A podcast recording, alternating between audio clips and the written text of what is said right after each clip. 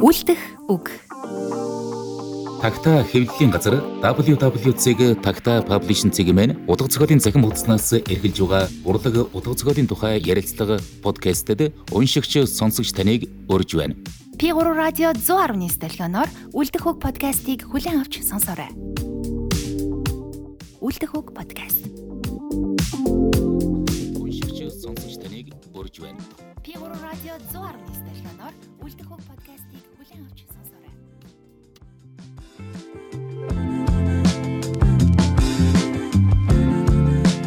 Think I might be over my troubles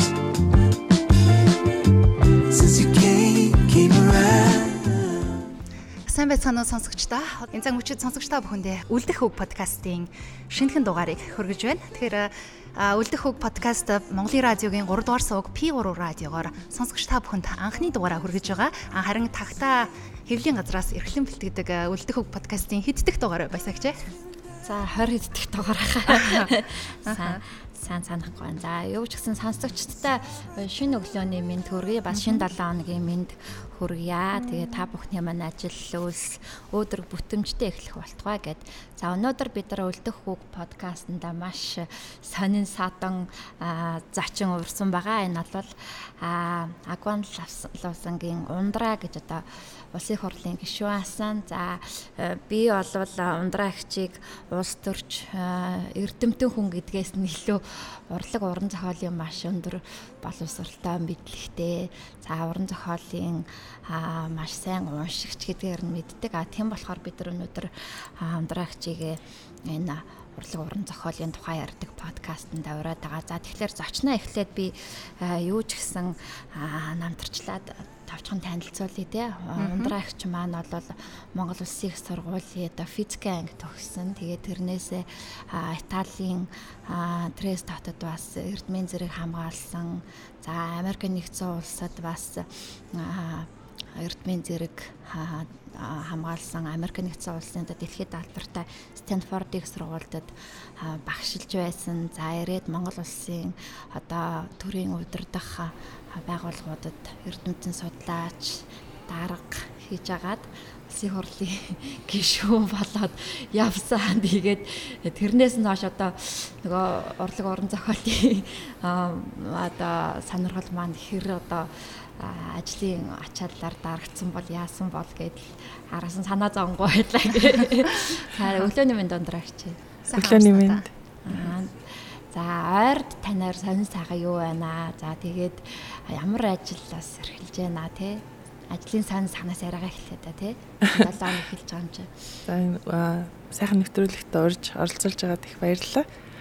Тэгээд өндөр мэдрэг мэдлэмж мэдлэгтэй мэдрэмжтэй гэж хэлж байгаад бас жоохон санаа зовж гин ер нь яг мэдээж урлаг гэдэг чинь хамгийн ардчилсан зүйл хүн болгонд одоо хүртээмжтэй хинч урлагийн ямар ч төрлийг сонгож аваад өөрийнхөө таашаалыг мэдэрхүүг сэтгэл зүйдээ буулгаж авч оюун санаанд бодож тунгаах болцоотой болохоор урлаг бол хамгийн хардчилсан хамгийн өгөөмөр хамгийн түгээмэл гэж би боддог. Тэгээд тэр утгаараа хүн болгон урлагийн мэдрэмж байдгаа гэж боддгоо. Тэгээд их хурлын гишүүн байх бол мэдээж маш их завгүй ажил. Тэгээд тэр их улс төрийн одоо зарим зарим үед бол нийлээд хайр найргүй. Тийм завгүй. Зарим үед одоо янз бүрийн сайн ажил хийхин хажуугаараас олон одоо манай монголчууд ярьдаг штэ хил ам тий хил ам хэрүүл тэмцэл тийм жоохон хэцүү хүнд үеэр явхад тэрийг давж туулахад хамгийн их тусдын болдог зүйл бол урлаг байсан. Тэгэхээр гişүүн байхдаа хэдийгээр маш их завгүй ч гэсэн стрессээ тайлах гол юм манаас утга зохиол хөгжим, яруу найраг, фото зураг одоо юу л гэдгийг тухайн үедээ олдож ирсэн бүхэл боломж урлаг тайтгарлыг өгч ирсэн. Ундраагч маань аа, ер нь хэдийнээс уран зохиолд хайртай дуртай болсон юм бэ? Би бол их багих байх гэж боддог. Магадгүй бас өөрт нь байдаг байх гэж боддог шүү дээ. Өөрөө шүлэг энэ төр өвчдөг байх гэдэг. Тэгээ одоо хийж байгаа ажлаа тодорхойлоход бас их хэцүү юм л та нөгөө нэгэнт биднээс ингээд их завгүй яваад өөрийгөө бүтээгээд ингээд яваад ирсний тухайд бол эргээд багшлах саналж авлаа. янз бүрийн зөвлөх, менторинг ажилч хийж гээ. Давхар бас бичгийн ажиллаач оролдож гээ. Аа тэгээд ер нь бол яг нэг үгээр тодорхойлоход бас жоохон хэцүү тийм болчдөг юм байна. Гэтэ зүгээр хамгийн гол нь завгүй байх хэвээр өөрийгөө өөртөө утга учиртай гэж тэр арга хэлбэрийг сонгох хэвээр. Тэгээд тэрийгээрээ бол үргэлжлүүлэн одоо урлагтай ойр, бүтээх үетэй ойр байхыг хичээж байна. Тэгээд хэр сайн бүтэхийг мэдээж уншигч болон үзэгчл шийдэх болохоор тэр талаар дүгнж би өөрөө хэлэх миний байр суурь биш бах. А хэдийнээс эхэлж сонирхсан бэ гэвэл эргээд бас тэрийг их бодлоо л да. Яг яруу найраг бол унших дортой байсан. Болор цомын билетүүд шаглагддаг байсныг та нар мэдэх болов уу. Тэгээд тэр үед Урийнхаа багшийн утга зохиолын бүлгэмд нэг сурагч хідэн сурагч явдаг байсан. Тэдний нэг би. А гэхдээ бусдууд нь бол ер нь зохиолч нар байсан. Тухайн залуу зохиолч нар. А бид бол дунд сургуулийн сурагчид ихэнхдээ сонсон бас хайраа хаяа нэг үзгэл бичсэн юм а багш нартай үзүүлж санаа бодлыг сонсдог байсан. А тэгээ эргээд тэрийгэ бодож байхад бол хэдийгээр одоо мундаг яруу найрагчид зохиолчдын хажууд ингээд алтны дэрэгдэх гол шаарлна гэдэг шиг магадгүй санаанд инспирэшн болоод явж ирснээс гадна бага бахтаа бол нөгөө зохион бичлэгийн тэмцээн гэж их юм болдог байсан. Тэрэн даалгасгүй орно Монгол хэл уран зохиол гээд хоёр хичээл тусдаа ордог байсан. Тэгээ уран зохиолын ном ерөөсөө л шинэ хичээлийн шинэ жил эхлэхэд сурах ичгүүд авчирлаа. Би хичээл эхлэхээс өмнө уран зохиол уншаад дуусчдаг байсан. Яг л тийм гоё санагддаг байсан. Ураа хаахан шав юм шүү дээ.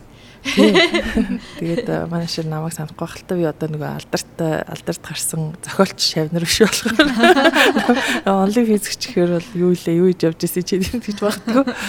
Тэгээд хөгшөө аав ээж маань Ховд аймгийн Мөсцөмийн хүмүүс баггүй. Тэгээд 6 настай байхдаа өвөө мэдээ захиа өччихсэн.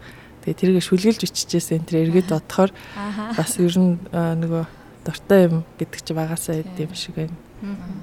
Хүний нөгөө бүр баг байхад нь эмээ өвөнөр нь ялангуяа хөшөө аав ээж нь их тийм суурийн тавьж өгдөг юм шиг санагдаад идгийн. Үлгэр ертөнц уншуулаад өөрөө янз бүрийн үлгэр домог туйл ярьж өгөөд л тэгээд хөдөөний ах уу амьдрал гэдэг тэр чигээр өөрөө уран зохиол утгацгаал зохиол байдаг юм шиг санагддаг л да. Та тэгээд тэр сайхан дурсамжаасаа хуваалцвал тийм ээ. Тий, эргэн тойронд байгаа том хүмүүс өөрийн ойр дотны хүмүүс найз нөхөд бол маш их чухал нөлөөтэй. Тэгээд хүний тэр сонирхлыг хөглж хөгжүүлэхэд магадгүй одоо зураачд дунд өссөн хүүхд бол зураг зурмаар санагдал өөрөхгүй биер аваад дуурайгаал тэгдэг гэж магадгүй бүр бага наснасаа. Тэгээд iOS-ыг нээж хөгжүүлэхийн тулд сонсч байсан зарим улсууд бол ингээд бүх хүүхдэд бүхэл төрлийн урлагийн хөгжим бол хөгжим биер бол биер фотоаппарат бол аппарат. Ингээ ямар л энэ тэрийг ингээ бэлдээд тавиад хүүхд өөрөө тэрийг хайж олох боломж олгодог гэд тэр бас их э, зөв арга бах. Тэгээ манай хөшөө авж э, миний тэр захиаг униндаа авчуулаад тэгээд э, дээгүр нэг онгоц явах тухай бичсэн онгоцоор хүрээд очино гэд бичсэнийг яриад бүр онгоц явах болгонд хоолон зангирж уйлдаг гэсэн гэж тэгээ бодохоор л их өрөөддөг. Тэгээд өөр нэг нөлөөсөн хүн бол манай аав аав маань бол тийм утга зохиолд дуртай тэгээд цээж ой сайтай тийм их тэтэн сэлмэг хүн байсан. Тэгээд олон олон цагаар үргэлжилсэн үлгэрийг ингээд маш их төгдөрхгүйгээр сайхан ярьдаг 32 модон хүний үлгэр гэх мэт нарийн нарийн гоё үлгэрүүдийг ярьж исэн. Тэгээд утга зохиолыг дүрсэлж ярихтаа ингээд уншихаас гадна сонсож сая радиогоор ингээд сонсохоор хүний төсөөллийг хөгжүүлдэг гэдэг шиг тэр аавынхаа ярьж өгчээсэн зохиолуудад гарсан тэр Итали, Франц тэр улсад очих юмсан гэл жоохон 5 6 настай бодож исэн бодол маань магадгүй хөгөлсөөр байгаад тэгээд 20 эдтэй Италид очиж сурах бас хаалга нэгдсэн гэх юм уу бодлын хүч гэж байна шүү дээ. Тэгээд өөр бас мэдээж нөлөөлсөн хүмүүс манай багш нар байна. Тэгээ ээж маань шанс дараа дуулдаг. Уг нь математикийн багш гэхдээ бас дуулна. Тэгээ гоё үлгэр ярьж өгнө. Тэгээд найз нөхдүүдийг бас хэлжсэн бид нар нөгөө утга зохиолын бүлгэмд явж байхад нэлээд хідүүлээ явна. Тэгээд найзууд маань шүлэг бичнэ, илүү сайн бичнэ. Тэгээ одоо би магадгүй ингээд үдшилэг зугаалга тийм үед шүлэг унших болоход өөрийнхөө биш найзуудынхаа шүлгийг уншдаг. Тэгэхээр та та нараас сонсон байж магадгүй зарим парадокс хүн гээ ягаад чи өөр хүний шүлгийг илүү сайн зээжилдэг. Их мэтлэнтэй. Тэгэхээр тэр тэр чухам эн чинь л нөгөө нөлөөлөл гэж юм ямар чухал вэ гэдгийг харуулдаг байгаа байхгүй. Иргэн тойрны орчин. Тэгэхээр тэр өвөө эмээ одоо ах дүү, найз нөхөд, аав ээжийн тэр орчныг л талархаж бодох юм те. Бусдууд ч гэсэн энийг бас бүгдээрээ энэ нэвтрүүлэг бол тэр нөлөөлөх нэг хэлбэрүүдийн нэг байгаасаа гэж хүсэж байна. Ундраа ихч бүр цөмийн физикийн хүн шүү дээ тий. Тэгээд одоо эмэгтэй хүмүүс тэр болгон сонгож авдгаа тийм хатуу шинжлэх ухааны хүн.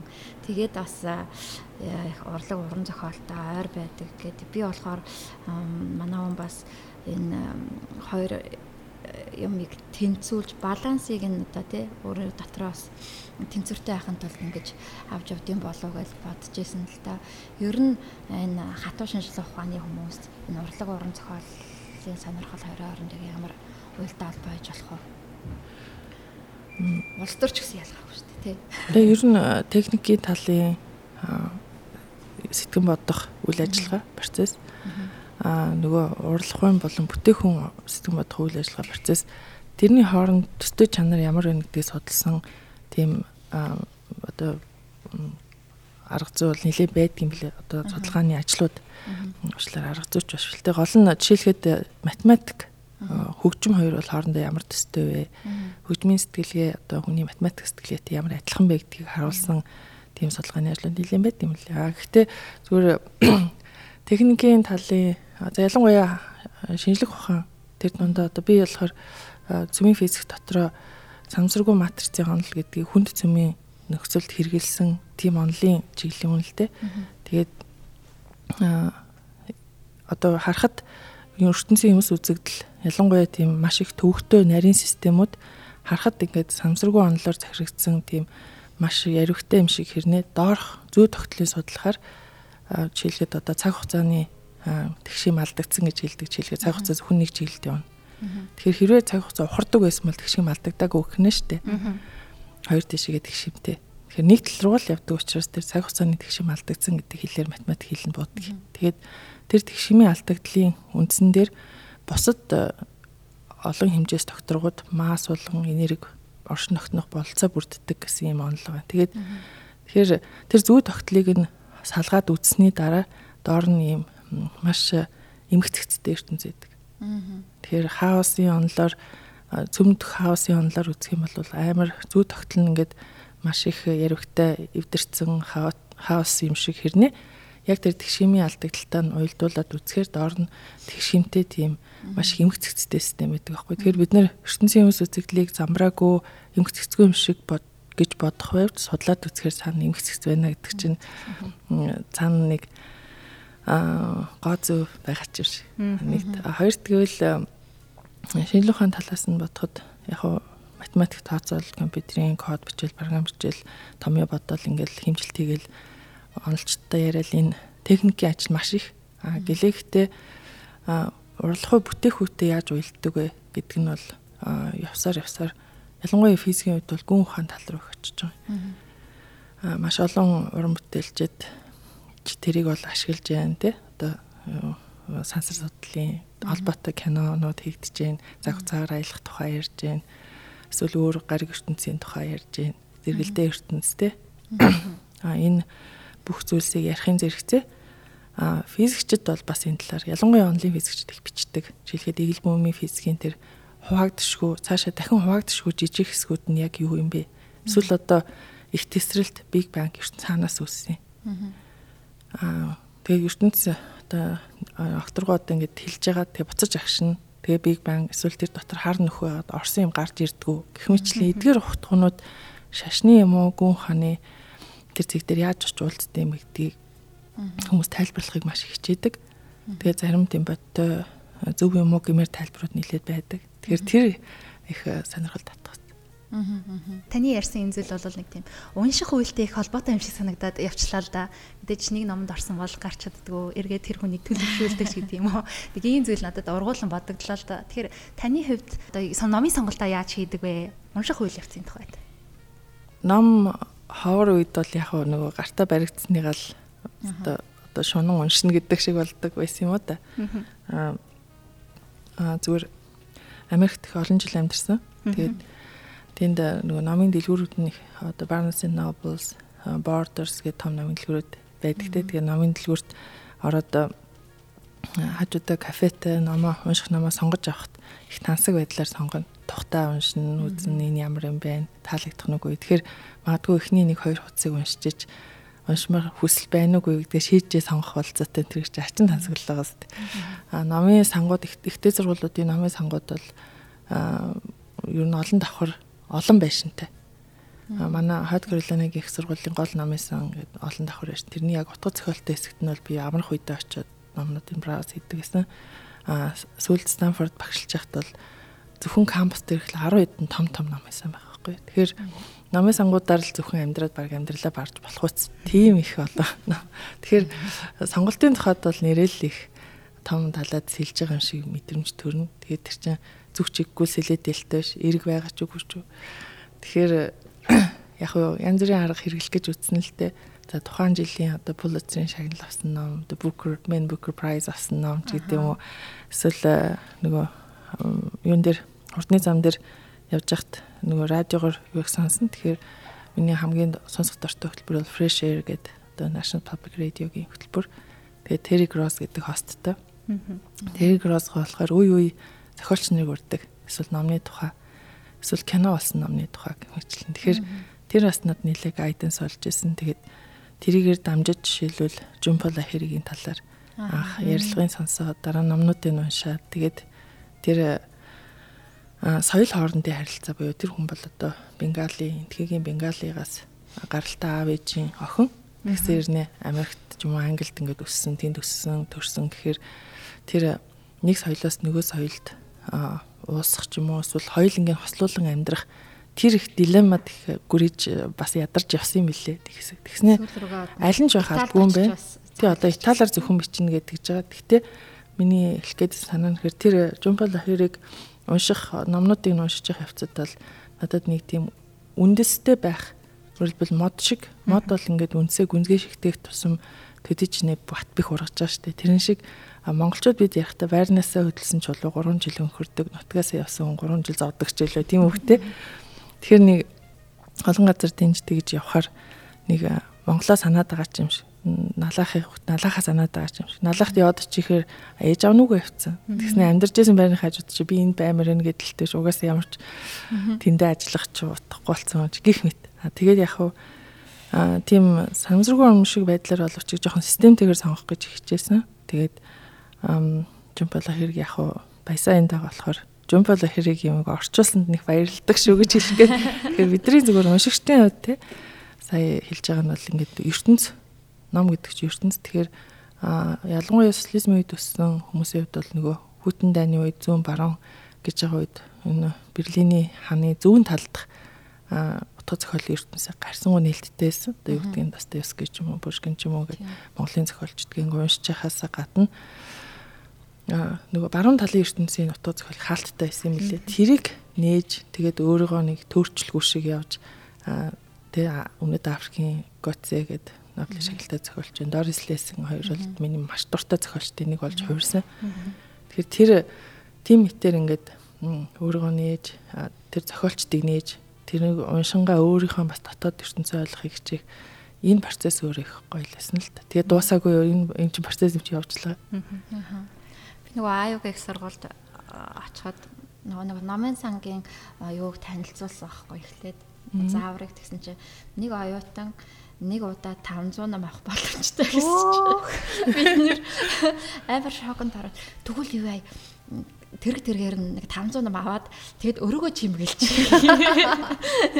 гэжсэн. Тэгээд үнэхээр л болол ном нь далаад шумбаж ордог. Тэгээд тэндээс ном их байх тусмаа сонголтоо бол хариуцлагатай болж ирэх хэвээр тийм хүний амьдрал богинохоо юм чи.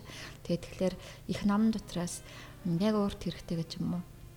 үнэхээр чанар чансаадаг сонгож чадна гэдэг бол сонгож уншиж чадна гэдэг тусгай нэг тийм чадвар байдаг те ундраагч. Та тэр талаар юу бодож байна? Йоо ямар хэцүү асууд юм бэ? Тэр одоо хүн болгоно л яг өөрийн гэсэн нөгөө хүсэл ирмэлзэл зориг ч юм уу те. Магадгүй ингээд зарим тохиолдолд хүсэл биш бүр ингээд бухимдал мухардалж хийж болох юм.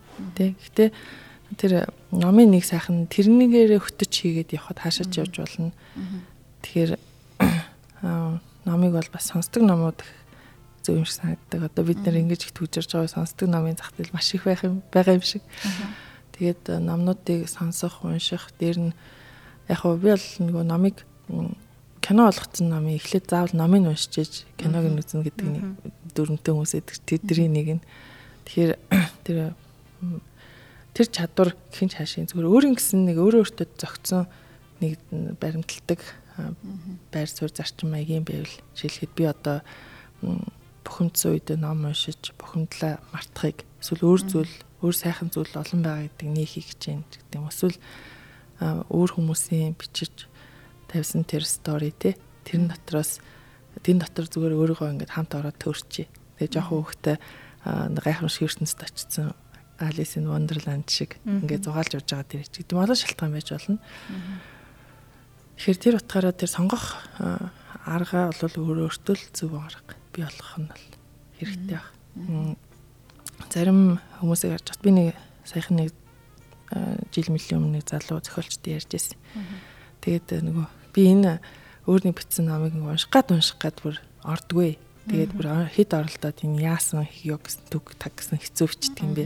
Наа таалагдсангүй гэсэн чинь тэг яаж ингэж бестселлер болоод идэг байна гэсэн чинь. Үгүй яах вэ наа чинь бүхэл зохиолууд бол нээлттэй. А тэгээ олон нийт сонгож болно. Тэгээд бестселлер болсон байсан ч гэж болно. Яг тэгэхээр би нөгөө бестселлер гэдэг жагсаалт жинхэнэ үгүй юу гэдгийг асууж эхэлж байгаа байхгүй юу? жинхнээсээ энэ яаж бестселлер болов вэ? Үнэхээр эсвэл хүмүүсийн утга зохиолын мэдрэмж яг ийм эсвэл би тийс хүндлэн яваад ийн үү? Магадгүй асуудал надад байгаа ах гэж бодож эхэлнэ.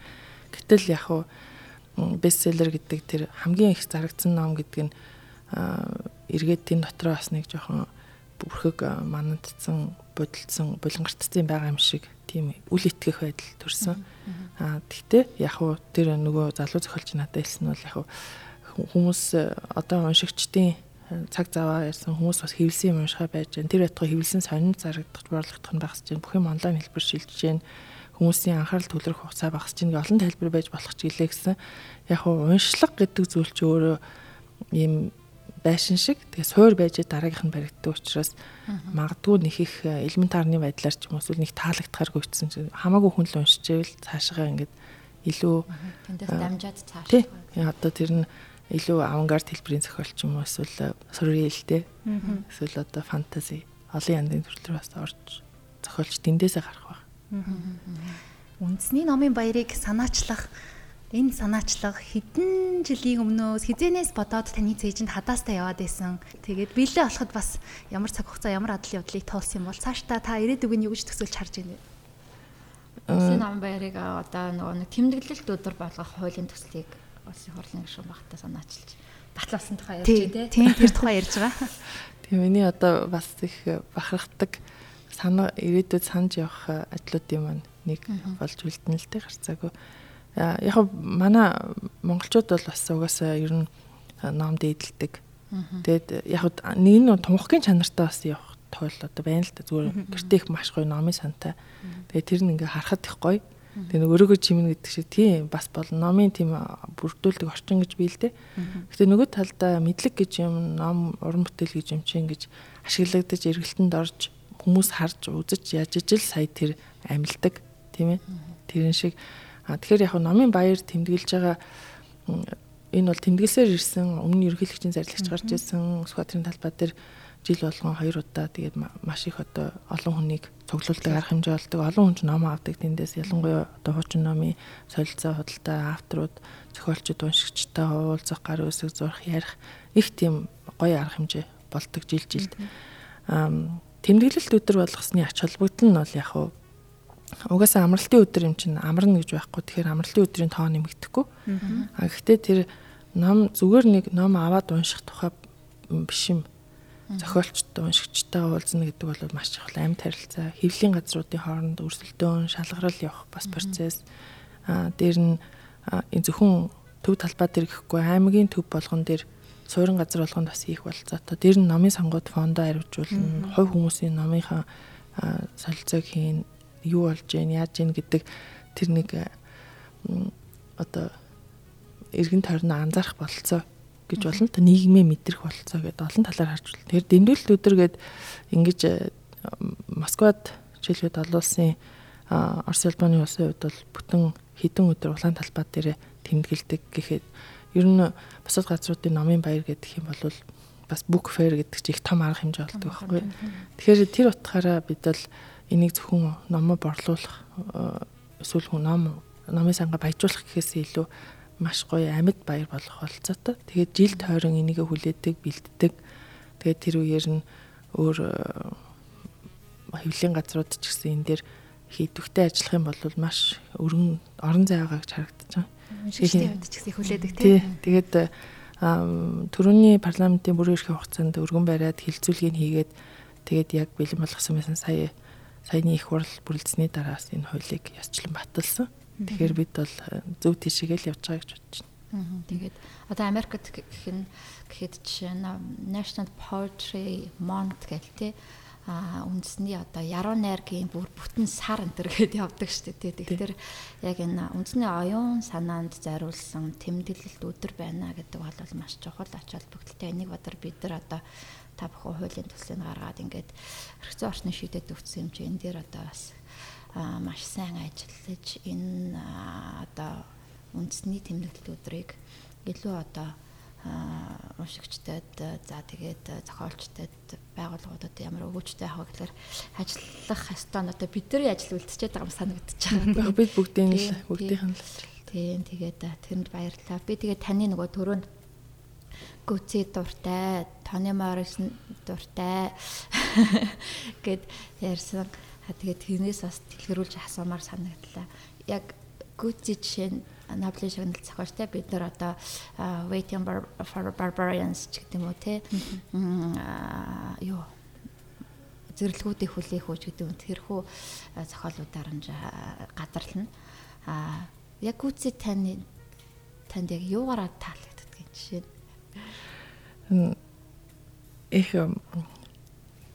магадгүй энд гоцыг өөрөө сонсвол нэг таатай байхгүй л ахaltaа эмгэнэлт юм шиг бас өөрийнх нь одоо хувь заяа гэх юм.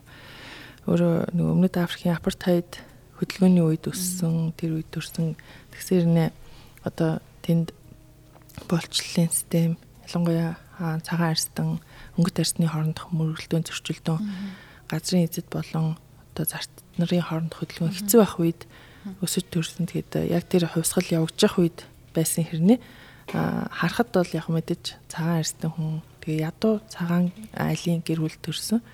Тэгэхээр нөгөө цагаанууд нь баг гадуурх янзын тэгсээр нэ нөгөө өнгөт арстнууд нь бас ад үзэх. Тэгэхээр алинд нь ч хамаарч чадахгүй ингэж маш их хувь хүний хувьд их тийм төвхтөө баг насыг өнгөрөөсөн байна. Тэгээд тэр альва юм чинь бас нэг зарим зохиолчдыг ингээд илүү их суут болгодог юм тэр зовлон нээдэг гэдэг шиг тэр өмнөд Африкийн өнгөт арьс яг нийгмийн ангийн ялгаа тэр процессыг задлж бичиж байгаа нь яг харахгүй тэр өөрөө тэрийг үнэхээр зүрх сэтгэлээрээ биеэрээ бүх юмараа туулж өссөн хүний юм тэндэ байдаг. Тэгээд дээр нь одоо үгийн хүн учраас ойлгомжтой бичнэ. Тэгээд imagination яг тэр нэг трилог байдаг л да тий.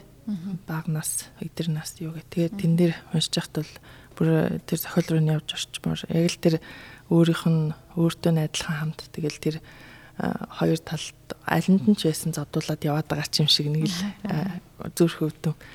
Тэгтээ Өмнөд Африкийн хүн болгон бас энэ гоцыг алга ташин хүлээж авдгүй юм бэлээ л дээ. Тэгээ нэг Өмнөд Африкийн фотографертай ярьжсэн энэ институт битэр нэлээд санал зөрүүлсэн гэж чинь мань хүн наа чинь цагаан хүн бол би намын уншихгүй гэсэн. Тэгэхээр Үгүй наад чинь тэрний тухай биш ээ. Тэгээд энэ сэдв дээр бас нэг мундаг лидер хар эмхтэй орж ирээд маргалдаад бидний хооронд чи ширүүн болоо. Тэгээд яг хуу нээлттэй бай ямар ч байсан чи уншиж үзөө гэж яаж дүгнж байгаа юм. Тэгээд өмнөд Африкийн Нобелийн шагналт тэгээд нөгөөдөл ч бүгдээр маргалдаад. Тэгээд одоо өөрөө тэр тэндээ бүр ингээд нэг л бас яг тогтож сэтгэл нь тэндээ гүн байж чадаагүй. Тэгээд Австрал руу цагаачлаад явсан л одоо зовлонтой байгааг энэ л нэг илрэл байна. Нэг ярилцлагатаа тэгж хэлсэн байсан нөгөө яг энэ Өмнөд Африкийн нэг цагаан арснууд те яг өөрсдийнх нь одоо амьдарч эцэг өвгдийн нутаг биш шүү дээ те хар арснуудын нутаг дээр дуусан. Тэгэхээр тэгсэн мөртлөө яг цагаан арснуудын давмгааллын ч юм уу те захиргааллын үед бол бас тэр нутгийг эзэмшиж байгаа юм шиг. Тэгэхээр өөрийнх нь яг тэр өссөн нөхцөл байдал яг таны хэлдгээр тэмдэглэлийн мад донд те одоо яг хаанч харьяалгүй те яг эзэгнээс суудсан газар нөгөө та өөрөө эзэн биш гэдгээ мэдээд байдаг. Аа нэг тиймэрхүү зөрчил донд үүссэн гэд. Би тэгээд нөгөө сая бас гүцийг ярьдаг нь Waiting for Barbarism одоо киног нь үзсэн багтаа ихэнх нь. Тэгээ номын цөөхөн бас уншсан баг. Тэгээд шууд тэн дээр гарч байгаа нэг юм одоо ядчихт Монгол жүжигчин тоглолцсон. Гарч байгаа нэг тийм хонь унсан, ном сум агссан, уулаар явдаг морьтой нөхдүүдийг шууд манайхан байна. Монголчууд их хэлж ийн гэдэг ойлгочихсон. Холливуд ч гэсэн тэгж магадгүй ойлгосон бол та шууд монгол жүжигчин тоглуулад ингээд эхэлсэн те. Тэгээд энэ уран бүтээлийн талаар ямар бодолтой байх вэ? Аа хэрвээ хүмүүс киног нь үзсэн байгаа бол одоо яа их вэ таны сонголт гэсэн. Аа ер нь үзег байгаа бол номын заавал уншиж киног нь үзэрэй гэж хэлмээр. Яг энэ дээр бас нэг улс үндэстний одоо имиж гэдэг асуудал бас бид нар ярих хэрэгтэй байгаа юм л да. Тэгээд тэгээд монголчууд бид бол асар их баян төвхтэй, асар их баян соёлтой. Манай соёл бол бүр ямар баян гэж бодно. Тэгээд тэр соёлыг бид судлах, тэгээд тэрийг одоо бит болон бит бос бүхэл хэлбэрээр нь ашиглах ч юм уу, өөрчилж, хөгжүүлэх гэдэг олон юм байж болно л да. Тэгээд бид нар харьцангуй нэг өөрөө өөрийнхөө дуу хоолой болж бас монголчууд тэгж сайн чадахгүй байгаа санагддаг. Тэгэхээр тэр утгаараа яг тэр эзлэн төрөмгийлжсэн төрөмгийлүүлсэн улс орнууд мэдээж яаж л сайхан байв гэж. А гэхдээ бид бас нөгөө одоо нэг God Send гэх кино яригадаад байгаа шүү дээ. Тэн дээр зохиолын бичсэн бас Монголыг маш сайн мэддэг хуульч хүн. Тэгээд тэр бол яг Монголын илүү нөгөө нэг Jack Weatherford гоо Монголын талаар баг тийм романтик шахуу байдлаар бичдэг шиг нэрэл баш асар их романс байгаа байхгүй манай түүхэн дотор. Mm -hmm Өөрөөр хэлбэл одоо яригдчихэж байгаа энэ олон ургалч үзэл, олон шашныг бүгдийг нь хүлээн зөвшөөрөх шийдвэр гаргахтаа бол бүх талын хүмүүсийг оролцуулах гэх мэтлийн энэ одооны энэ манай энэ ертөнцийн чинь арьс өнгөний үзлийн ялгаа тэгэнгүүт одоо эмгтээчүүдийн оролцоо гэл үнэхээр асар их өөрчлөлт хувирлал явж байна л та. Гэхдээ энэ өнөөдөр ярьж байгаа асуудлыг 800 жилийн өмнө тийм тухайн үед маш их прогрессив байдлаар шийдэжсэн гэдгээ бид нэр өөрсөн дээрээ нааж өөрсөн дээрээ өөрснөө тэрнийхээ талаар ярихгүй бол имиж нь тэгээ тогтцсон байлаа гэх тэр эзлүүлсэн хүмүүсийн бураас биш болов. Тэгэхээр бидний хувьд бол өөрсдийн хийх ажил байгааг л төдий ч нэг харуулж байна. Асуудал нь бас бид гэж бодоод байгаа байхгүй? Бид нар өөрс өөрөөсөө бас яг өөрсдийнхээ имижийг тэгээд ойлгочихгээд зүгээр ямар ч Монгол гэж бичээгүй байхад тэр морь унсан нумсан багс шууд хүлээж аваад. яг бид нэрийг бичсэн юм биш үү гэж э, хүлээж авч байна гэдэг. Бид энэ имижтэй их дасжээ гэж ойлгоод. Тэгээд э, одоо ингээ хүүхдүүдийн ч юм уу бага ялангуяа багангийнхны хувьд ингээ Монголын соёлыг зааж байгаа түүхийг зааж байгаа болохоор илүү баян тэр э, ур ухаан шингэсэн дархан хүний ухаан, нутаг орны онцлог, ёс ажлын ялгаа, тэгээд тэр нөгөө тэнгэр шашин гэл олон төрлийн шашнуудын хүүхэд ойлгоход амархан хэлбэрч саяхан нэг телевизийн нэвтрүүл гарч байгаа хгүй багангийн хүүхдүүд орсон. Монгол соёлоо заагаад. Тэгээ гал руу юу хийж болдгоо лээс чи гал дотор хог шатааж болохгүй. Тэгэх юм бол галын бурхан дургуцээд хилэгнээ. Тэр айлын хүмүүс өвдүүл яах юм ах ингээ хүүхдүүд хэлж байгаа хгүй. Тэгэхээр алужаа тэр нөхдүүд бол ямар ч байсан жишээлгээд сүүрөө бас хийж болохгүй болог руу өнгөтэй хийж бохирдуулж болохгүй гэж байна. Цаад утгаараа бол байгаль орчныг хамгаалж байгаа. А гэхдээ наадлаараа хэлэхдээ тийм манай шашин уламжлалтай холбосон юм шиг. Тэгэхээр энэ дамжуулсан байдлаа эсвэл олон талын баялаг түүхээ харахын оронд зөвхөн цэрэг дайн дээр нь хит фокуслаад тэгээд магадгүй цэрэг дайн дээр фокуслж байхдаа маш олон батлан хамгаалах сургуулиуд цэргийн сургуулиуд Монгол цэргийн арга ухааныг судалдаг үнэн. Тэгээд аргагүй л тухайн үед бас одоо биотерроризм гэл манайхан хийжлээсэн бол таарж байгаа. Тэгэхээр тэр үеийнхэн зэрэг техникийн хамгийн мундаг юмнуудыг бодож сэтгэж гаргаж ирсэн.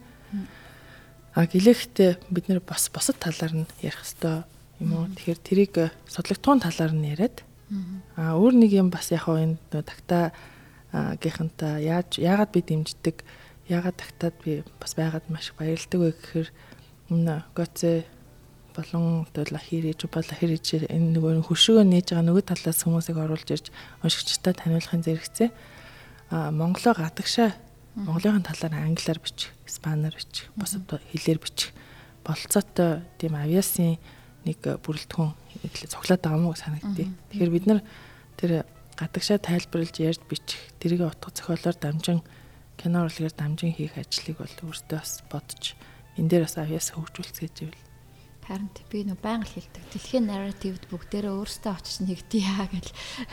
Тэр айгуу чухал. Та түрүү нөгөө нэг Стэнфорд гэхэд 10 хэдэн намын сан байдаг гэсэн. Тэгээ таврын зохиолын намын санд нь очиж одоо амралтын агшнаа өнгөрүүлдэг гэсэн. Тэгээд та хэрвээ ингээд Стэнфорд ч юм уу айгуу орон зохиолын намын сангийн хэсэгтэр нь очихоор Монголын нэгч зохиол байхгүй тий. Тэр гонигтэй тий.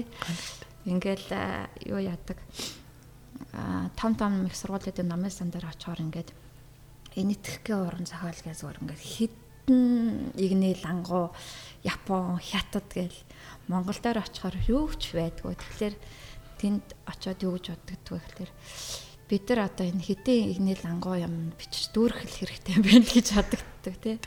Аюу ордоо ажиллах хэрэгтэй байгаа юм. Тэгээ монгол хэл дээрх одоо энэ орчуулгын орчуулга гэдэг бол өөрөө бас бие даасан салбар тий маш хэцүү хүнд. Тэгээ хүний мэдрэмжийг яаж орчуулах юм? Яг нөгөө basic суур мэдрэмжүүд баяр хөөртэй байна баяр хөөртэй. Гунигтай байна гунигтай байна гэж шууд хэлж болох байх л та. Гэтэ нарийн сах тусмаа төдий чинээ ярихтай хэцүү. Тэгээ саяхан нөгөө байсаа маань ч гэсэн харж байсан тэр Анна Ахматовыг нэг шүлгийг хідэн олон янзаар орчуулад тэгээд бяцхан юм ном болгоо гаргацсан. Тэгэхээр нэг шүлгэл тэр олон хүн тэгж олон янзаар мэдрэгдэж болж байгаа. Тэгээд хэлгүй ах угаасаа тийм чинь. Тэр Монгол утга зохиолын их бааз суурийг бид нэр орчуулах ажил дээр бодлогоорч анхаармаар төрийн зүгээс тэгээ хувийн компани бүсэд ч гэсэн энийг спонсордмор дээр нь уран бүтээлч ч гэсэн энэ дээр бас хүч гаргаж ажилламаар ингээд магадгүй бүгд нэг чиглэл рүү нэг хичээж зүтгэжээч дэм дэмэндээ энийг цаана гарах бах.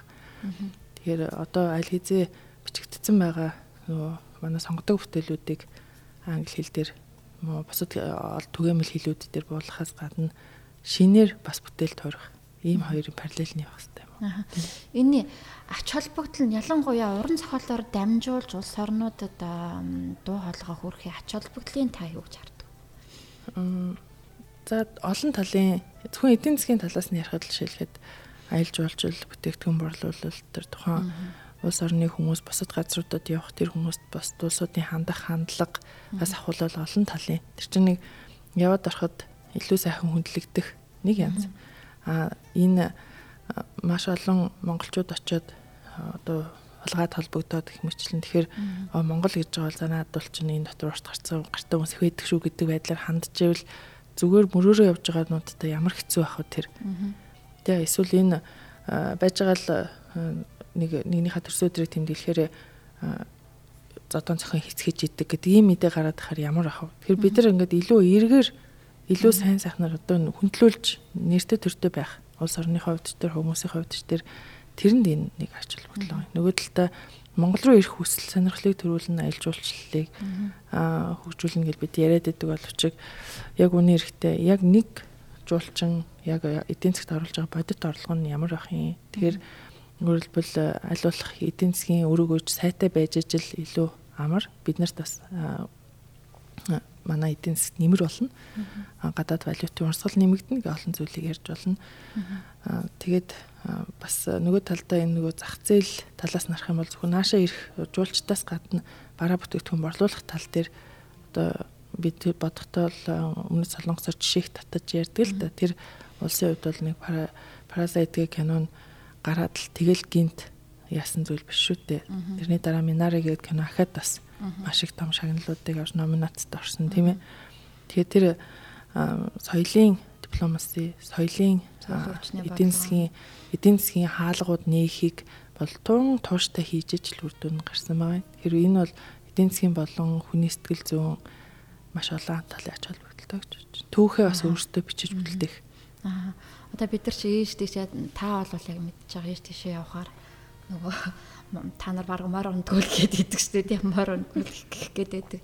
А бид нар ингээд уран зохиолын хэлээр ч юм уу а илүү одоо өөртөө таниулаад ойлгуулсан болвол ядаж тийм асуулттай нэг тулахгүй байх гэж хоёрдугаар бид нар тийм exotic nation маягаар харагдаад байдаг те нэг тийм яг нөгөө нэг гүцэгийн зохиол дээр үлдсэн. Тэрний нэг сүрэг хончид шиг тийм имиж үлдчихэж л те.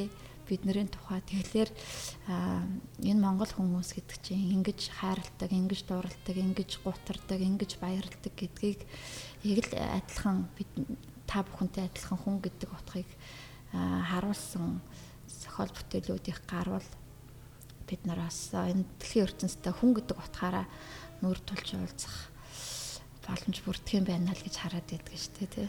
Тэгэхдээ яг бас бидний нөгөө identity-ийн их том хэсэг л дээ. Одоо хонь хариулаа явж байгаа гэдэг бол өөр их сайхан ажил. Тэгээд харцангуй экзотик байна гэдэг чи одоо хамгийн ховор commodity бас болох гээд байна.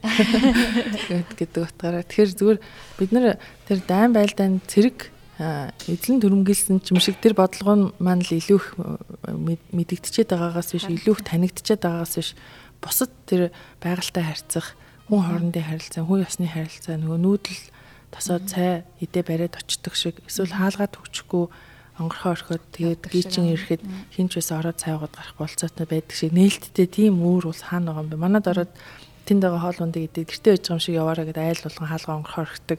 Тийм итгэл дүүрэн тийм нээлттэй тийм өгөөмөр тэр бол соёлын маш сайхан хэсгүүд учраас бид нар магадгүй тэрийг таниулах л ёстой байгаа. Тэгэхээр Аа тэгтээ өөр нэг нэг бол манай Улаанбаатар бид яг төвжирлэгтэй утаа гэл зөндөө асуудлууд байгаа л да хүүхдийн боловсролын чанараас болоод хүмүүс хүүхдийн нааш ашиг зөөж гин. Тэгээ харахгүй бодтой өнөөдрийн толгомцсон асуудал. А гэлэгтэй бас Улаанбаатарт ёстой бол газар газрын хүмүүс тий маш метрополитен байхгүй хэмжээтэйг харьцангуйгаар тэгэхээр Оросын соёлчийг харагдж байна. Хятадын, Японы, Солонгосын, барууны тий одоо Лондон паб гэл юу гэдэг Перу ресторан хүртэл байна. Тэгэхээр маш их тий амар сонирхолтой хот байхгүй юу Улаанбаатар. Тэр утгаараа бид нар тэр Улаанбаатарыгаа ийм метрополитен хотод байдаг. Гэхдээ нөгөө талдаа бид яг нөгөө хэдэн зуун жилээр амьдарч уламжлаж хадгалж ил байдаг. Тэгээд тэгж чадж байгаа гэдгээ бас зөв сурталчилж чадвал Тэр хончин гэдэг маань бидний бас том давуу тал. Наан цаана ийм том хоёр зөрүүтэй ертөнд зэрэгцээд авчиж болдог гэдэг хэрэг тийм. Тэгэхээр хичээлдээ мороор явдаг гэвэл тэр нь болохгүй зүйл яах вэ? Тэгэлгүй яах вэ? За тэгээд түрүү нь бас ярилцлага эхлэхийн өмнө ундраагч маань кино зохиол бичиж байгаа гэж хэлсэн.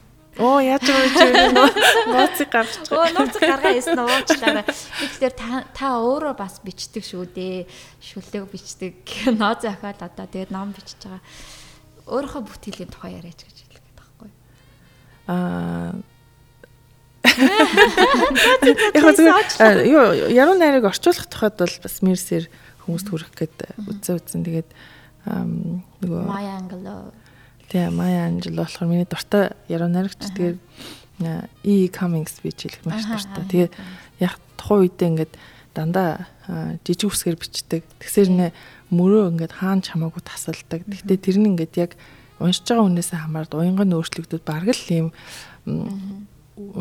дуу дуулж яхад явцдаа аяа солиод байгаа дуу шиг тийм байдлаар боодог байхгүй Камасын зохиолууд. Тэгэхээр тэн дээрээс өөрт төрж байгаа мэдрэмжийг хүргэхийг бас оролцсон. Тэгээд кино зохиолыг бол яг хуу цаг нь болохоор гэдэг шиг. Аа аа. Ер нь за яг та кино зохиолынхаа талаар нууцлаад өнгөрөөчхөө. Тэгтээ яг өөрөө ингээд бичээд те яг энэ бүтээгдэхүүн процесс дотор ингээд орохоор яг уншигч байхаас өөр ямар мэдрэмж төрөх үү? Аа тэр бас их сонирхолтой юм. Өмнө нь зүгээр л за яг өөр өөртөө зориулаад тэмдэглэл нэвтэр хөдөлж байгаа юм шиг баг бичдэг байж тээ. За тэгэл нөгөө ингээ үзүүлэхээр наад чинь буруу штэ гэж хэлээд наад орчуулах чинь надаа ингэж буухгүй байна гэд тээсээ өөрөөр шал ондоогоор орчуулад явуулж исэн хүн ч байгаа юм. Тэгээ окей. За нөгөө Ан Ахматовын шүлгийг 108 янзаар орчуулсан байна штэ гэдэг шиг тэр И Камиксийн шүлгийг хэдийн янзаарч идэг хүн бол өөрөөр буулгаж бас болно. А гэхдээ яг э, сая баясагийн асууж байгаа шиг үргэлжлэн өгч юм уу? Кино. Ялангуяа кино. Нөгөө вижюалтай холбогддог учраас дүрс өнгө тийм ээ. Тэгээ одоо мэдээж э, би бол илүү фото зураг сонирхож ирсэн олон жилийн туршид. Тэгэхээр фото өнцгөөс нь ингээ хараад тэгээ тэрийг хөдөлгөөнд толгоод ингэж үзэхлээр энэ яаж харагдах бол тэгээ энэ юу гэж ойлгогдох бол миний нөх хэлэх гээд байгаа санаа яг хэлэх гэж байгаагаар очих нь тэг communication гэдэг чинь ямар хэцүү илээ те. Ингээд тэр байтга хамгийн дотны ойр дотны хүмүүстэй юм хэлэхээр яг хэлэх гэж санааг заримдаа буруу ойлгоод идэг штэ эсвэл эсрэгээр эсвэл ондоо ойлгочоод үгүй би ингэх гэсэн юм а гэд хэд дахин яриад. Тэг тэр надад тэр ойлгомжтой байх гэдэг процесс өөрөө амаргүй юм шиг санагдیں۔ Тэгээд зохиолч нарыг кино скриптээ биччихэд скрипт дэлгэцээр дамжаад хүмүүст хүрсэн ревю яаж байваа гэдгийг жоохон нэлээд харж байна. Тэгээд ингэж буулгаснараа одоо киноны зүгээр сонгодог мөрүүдээс бараг чилээд хэлж болно л та тийм. Гэхдээ ингэж буулгаснараа ягаад тэр нь сонгодог болоо үлдсэн юм.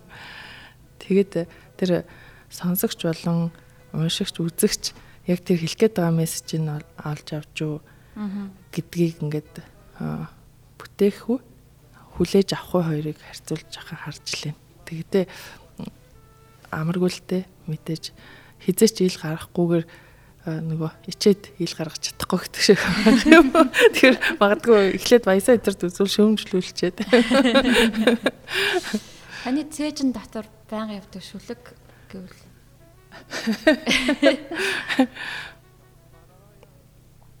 Манай тэр утга зохиолын бүлгэмд явдаг найзын маань нэг шүлэг байдий. Тэгээ тэр нөхөр цаашгаа нэг бичээгүй л дээ. Тэгээ саяхан аав нь бурхан болсон гэсэн тэгээл найзынхаа шүлгийг бодоол. Тэгээд нэг дараагийн үдшилэг болохоор тэрийг уншчи та гэсэн бодоо байжсэн. Гэхдээ 40 санаг нь болоогүй юм чинь бид нар бас тэрийг дараа оны дараа л уулзсан байх л та. Төв аймгийн охин байдیں۔ Аа. Дээрээс орох дулаан бороо дээл нэвтлэн шиврэх юмда дэндүү сэтгэл уян уярсаар дэвүүр сормос норгох юмда гэд тэнд фалмын шижиртэй яг гэж. Аа. Аа. За та өөрөө шүлгээс шүү. Тэгж уншуулах гайлаа. Талгаас ихсэрш байна хүмүүс. Яг нөгөө яаж ийм шүлэг цэжилсэн явж идэв ингээд заримдаа хүмүүс бас асуудаг. Гэтэ нөгөө нөгөө шүлэг дууны аяа илэгдэнэ гэдэг шиг шүлэг чинь яг тухайн мэдрэмжийн зүйл учраас ингээд нөгөө шууд явах гэж байгаа гэд тэгэхээр бас сандарч. Тэгээд чанми шүлгийн ах чинь толгойн дараа төрлөө тэрийг уншээ. Аз жаргал чи алаг бөмбөг шиг ойж боон. Атархан залуугаасаа би чамтай хөөцөлтлөө. Хөлөө цуцааж хөлсөө таслуулан гүйжрэхэд гарын үзэрээс чи ганцхан агаад арилна. Дээр дээр өсрөн, дэндүү хол өсрөн. Тэвхрээд тэвхрээд би их нэгтэй үл хүрнэ. Үүний учир хэлдэв. Хүн хатан хэлдэв. Наранд сарн нэлдэв. Насан турштай хэлдэв. Чамааг гүйцсэнгүй чадлуудад осчээ Зарим бүрийн архсан яаж явдаг. Тэгээд аа бид нар ингээд юун дотроо ярьдаг байсан.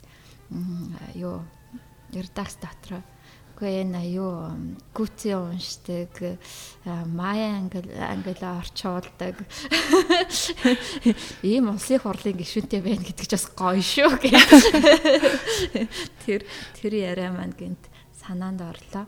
Тэгээ одоо энэ шууд явж байгаахаа бас бас нэг чаленж дуудыг гэдэг шиг өөрөө шүлгөө уншгээд байгаа юм чинь гэдэг шиг.